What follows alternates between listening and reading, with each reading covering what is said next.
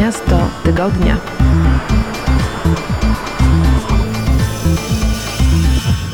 Witam Was bardzo serdecznie, nazywam się Błażej Grygiel i zapraszam na audycję Miasto Tygodnia. Dzisiaj odwiedzamy miasto portowe w Czarnogórze. Miasto, które nazywa się Kotor. Nieduże, a przepiękne, o bardzo ciekawej historii. Oprowadzą nas po nim blogerzy, którzy prowadzą serwis o nazwie Jaszczur Podróżnik. Zapraszam serdecznie.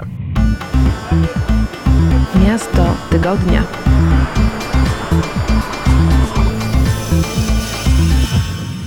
Witamy wszystkich podróżników. Z tej strony Norbert Melnik i, i Łukasz Kaczmarek z bloga podróżniczego Jaszczur Podróżnik. To muszę zapytać, zanim przejdziemy do rzeczy, dlaczego jaszczury? Czy chodziło o porucznika jaszczura ze słynnego filmiku na YouTubie? Myślę, że to raczej był po prostu przypadek, jakiś zbieg okoliczności. E, gdzieś z którejś rozmowy wyszła ta nazwa, potem zapadła nam w pamięć i nie, w sumie nie twierdziliśmy, że weźmiemy to na serio, ale tyle, tyle razy zaczęliśmy ją powtarzać, że w sumie taka została.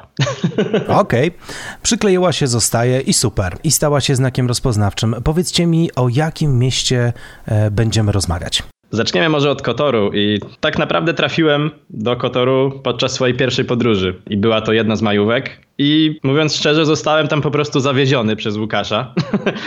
E, to była moja pierwsza podróż zagraniczna i totalnie nic nie wiedziałem o podróżowaniu, o tym jak jest za granicą. Po prostu wsiadłem w samochód, dałem się namówić i, i Łukasz mnie tam zawiózł. nie, nie wiedziałem w ogóle czego się spodziewać. E, nic nie wiedziałem o Kotorze. Tak naprawdę w trakcie jazdy zacząłem czytać całą historię o wszystkich atrakcjach, o zabytkach. E, byłem totalnie nieprzygotowany, ale pozytywnie zaskoczony. Ciekawe, dlaczego właśnie to miasto? Dlaczego ta destynacja? Ogółem robiliśmy podczas majówki większą objazdówkę po Bałkanach i staraliśmy się dojechać jak najdalej w jak najmniejszym odcinku czasu i do, udało nam się dotrzeć do Czarnogóry i wrócić przez Chorwację. Także to była ostatnia jakby destynacja, chociaż jeszcze potem była dalej Budwa, ale to był ostatni punkt tak naprawdę naszej podróży, jak, jak najdalej nam się udało dojechać w 9 dni. Powiedz mi zatem, e, jak to wygląda, bo to brzmi tak łatwo. Kolega zabrał mnie do samochodu i pojechaliśmy sobie do Kotoru. Spoko, fajnie, tylko że to jest ładny kawałek drogi.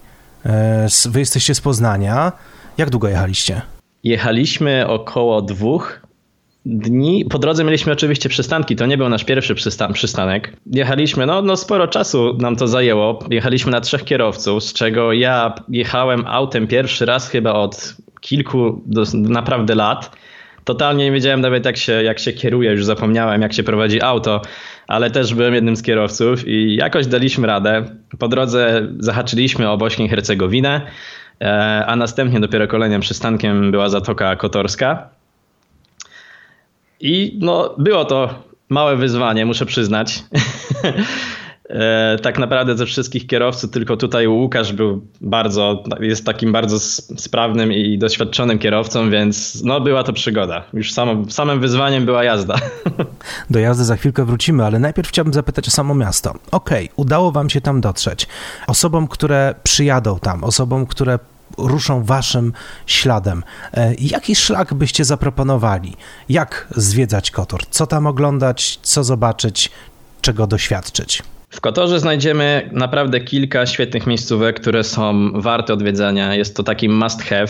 E, przede wszystkim główną atrakcją jest wejście na, na twierdzę świętego Jana, e, która znajduje się na wzgórzu i na nią prowadzą dwa szlaki na tą twierdzę. Oba z nich udało nam się odwiedzić, e, także chętnie omówię. Pierwszy z nich prowadzi centralnie ze Starego Miasta. Jest w miarę łatwy, kosztuje 8 euro prowadzi przez schody.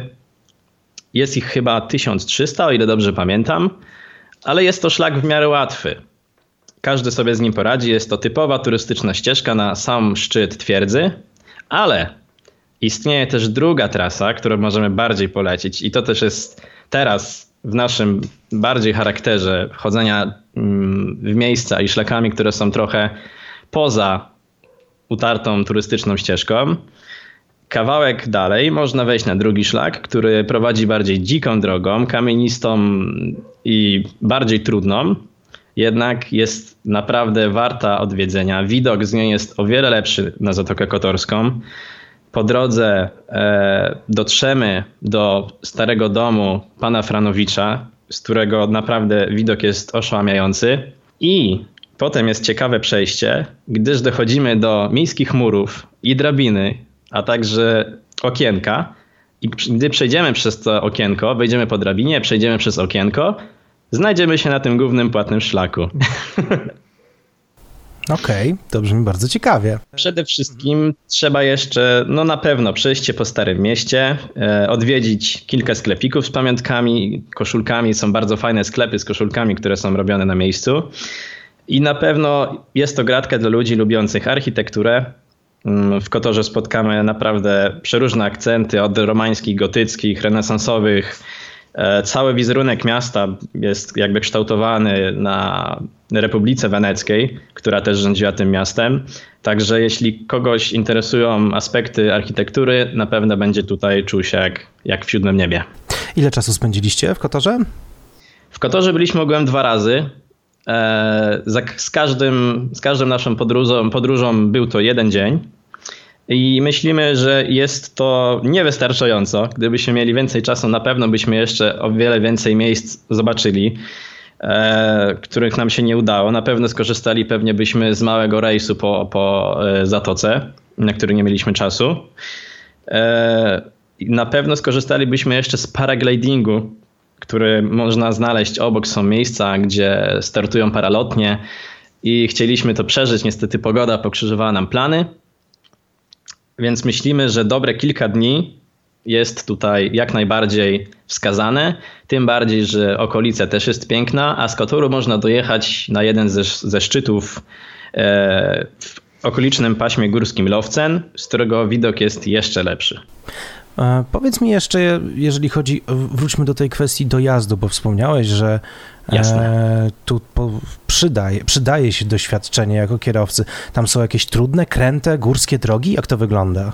Tak, ogółem trasa jest w miarę górzysta, są e, jakby slalomy górskie. Trasa jest w miarę ciężka, ale jeśli ktoś jest uważnym kierowcą, na pewno da sobie radę. Nie radzimy szarżować i radzimy mieć sprawne, długie światła, gdyż często są nieoświetlone obszary na długich odcinkach trasy i dobrze mieć dobrze, dobre oświetlenie. Oczywiście do Czarnogóry można też dolecieć, co też mamy za sobą. Ląduje się w okolicach stolicy. Może jeszcze warto dodać, że przeważnie jak y, jedziemy na jakąś podróż, to kierujemy się bezpłatnymi odcinkami dróg, także wszelkie autostrady i płatne odcinki, które byłyby o wiele łatwiejsze, po prostu pominęliśmy i jechaliśmy drogą bezpłatną, ale za to o wiele cięższą. I ciekawszą jednocześnie. I ciekawszą, bo widoki naprawdę były zapierające dech w piersiach momentami. To jest bardzo ciekawa rada, czyli wam sprawdziła się taka taktyka, żeby zamiast lecieć, e, pojechać dłużej, taniej, może odrobinkę mniej bezpiecznie, ale mówicie dużo ciekawiej. Zdecydowanie. Po drodze na pewno jakieś przygody, jakieś nieplanowane miejsca się znajdą. E, radzimy wybrać się autem, dać, dać się trochę ponieść e, spontanowi. E, na pewno wyjdzie to na plus. Mhm. E, w, wspomnieliście o takich atrakcjach właśnie sportowych, architektonicznych, o zabytkach. A jest tam coś ciekawego w tym kotorze, czego można posmakować? Bo o to zawsze Oczywiście. pytają słuchacze i słuchaczki. Oczywiście. E, ogółem cała Czarnogóra jest totalną mieszanką kuchni. E, jak sobie prześledzimy też rys historyczny Czarnogóry, to dowiemy się, że naprawdę była w rękach wielu, wielu mocarstw, więc e, zmieniała właścicieli i zmieniała się też kuchnia. E, znajdziemy kilka bardzo fajnych smaków i przekąsek. E, jedną z nich na przykład jest burek. Jest to placek z ciasta filo z nadzieniem i ponoć się mówi, że w Czarnogórze burek tylko z mięsem.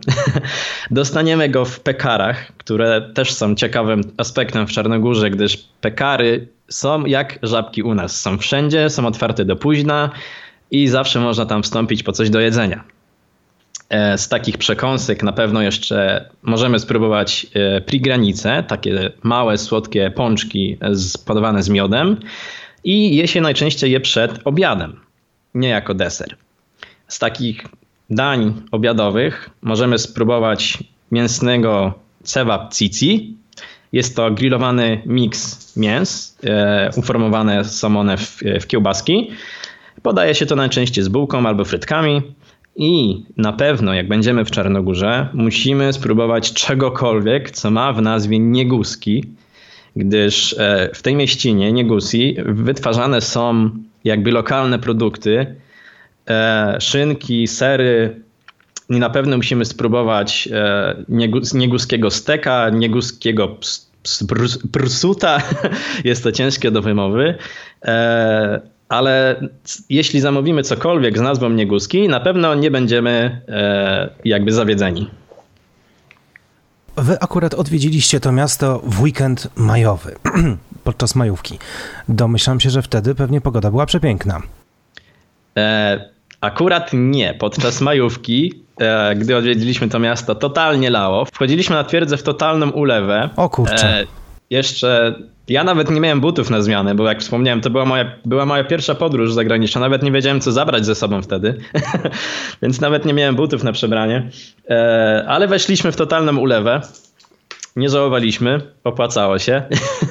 Była to też przygoda, ale następnym razem, jak udaliśmy, udaliśmy się do Kotoru, udało nam się trafić na naprawdę piękną pogodę, bezchmurne niebo i słoneczko. Było ciepło, mimo że to był luty, i wtedy nadrobiliśmy te widoki, które wtedy zasłoniły chmury. Pytam pod kątem tego, czy warto jakoś e, jadąc do Czarnogóry specjalnie się przygotować, jeżeli chodzi o wyposażenie. Czy to jest e, jakby miejsce, w którym nie trzeba żadnych jakichś specjalnych dodatków? Raczej nie. Na pewno przyda się wygodne obuwie, e, będzie sporo spacerów, ale no nie trzeba tutaj specjalnego wyposażenia czy specjalnych przygotowań jak do krajów na przykład azjatyckich. To jest po prostu dalej Europa. To na zakończenie naszego rozdziału o Kotorze powiedzcie, gdzie was szukać, gdzie przeczytać o waszej podróży do Kotoru i o innych waszych podróżach. Wszystkich chętnych zapraszamy na naszego bloga jaszczurpodróżnik.pl i zapraszamy także na YouTube, gdzie prowadzimy kanał z filmami z naszych podróży. Miasto tygodnia.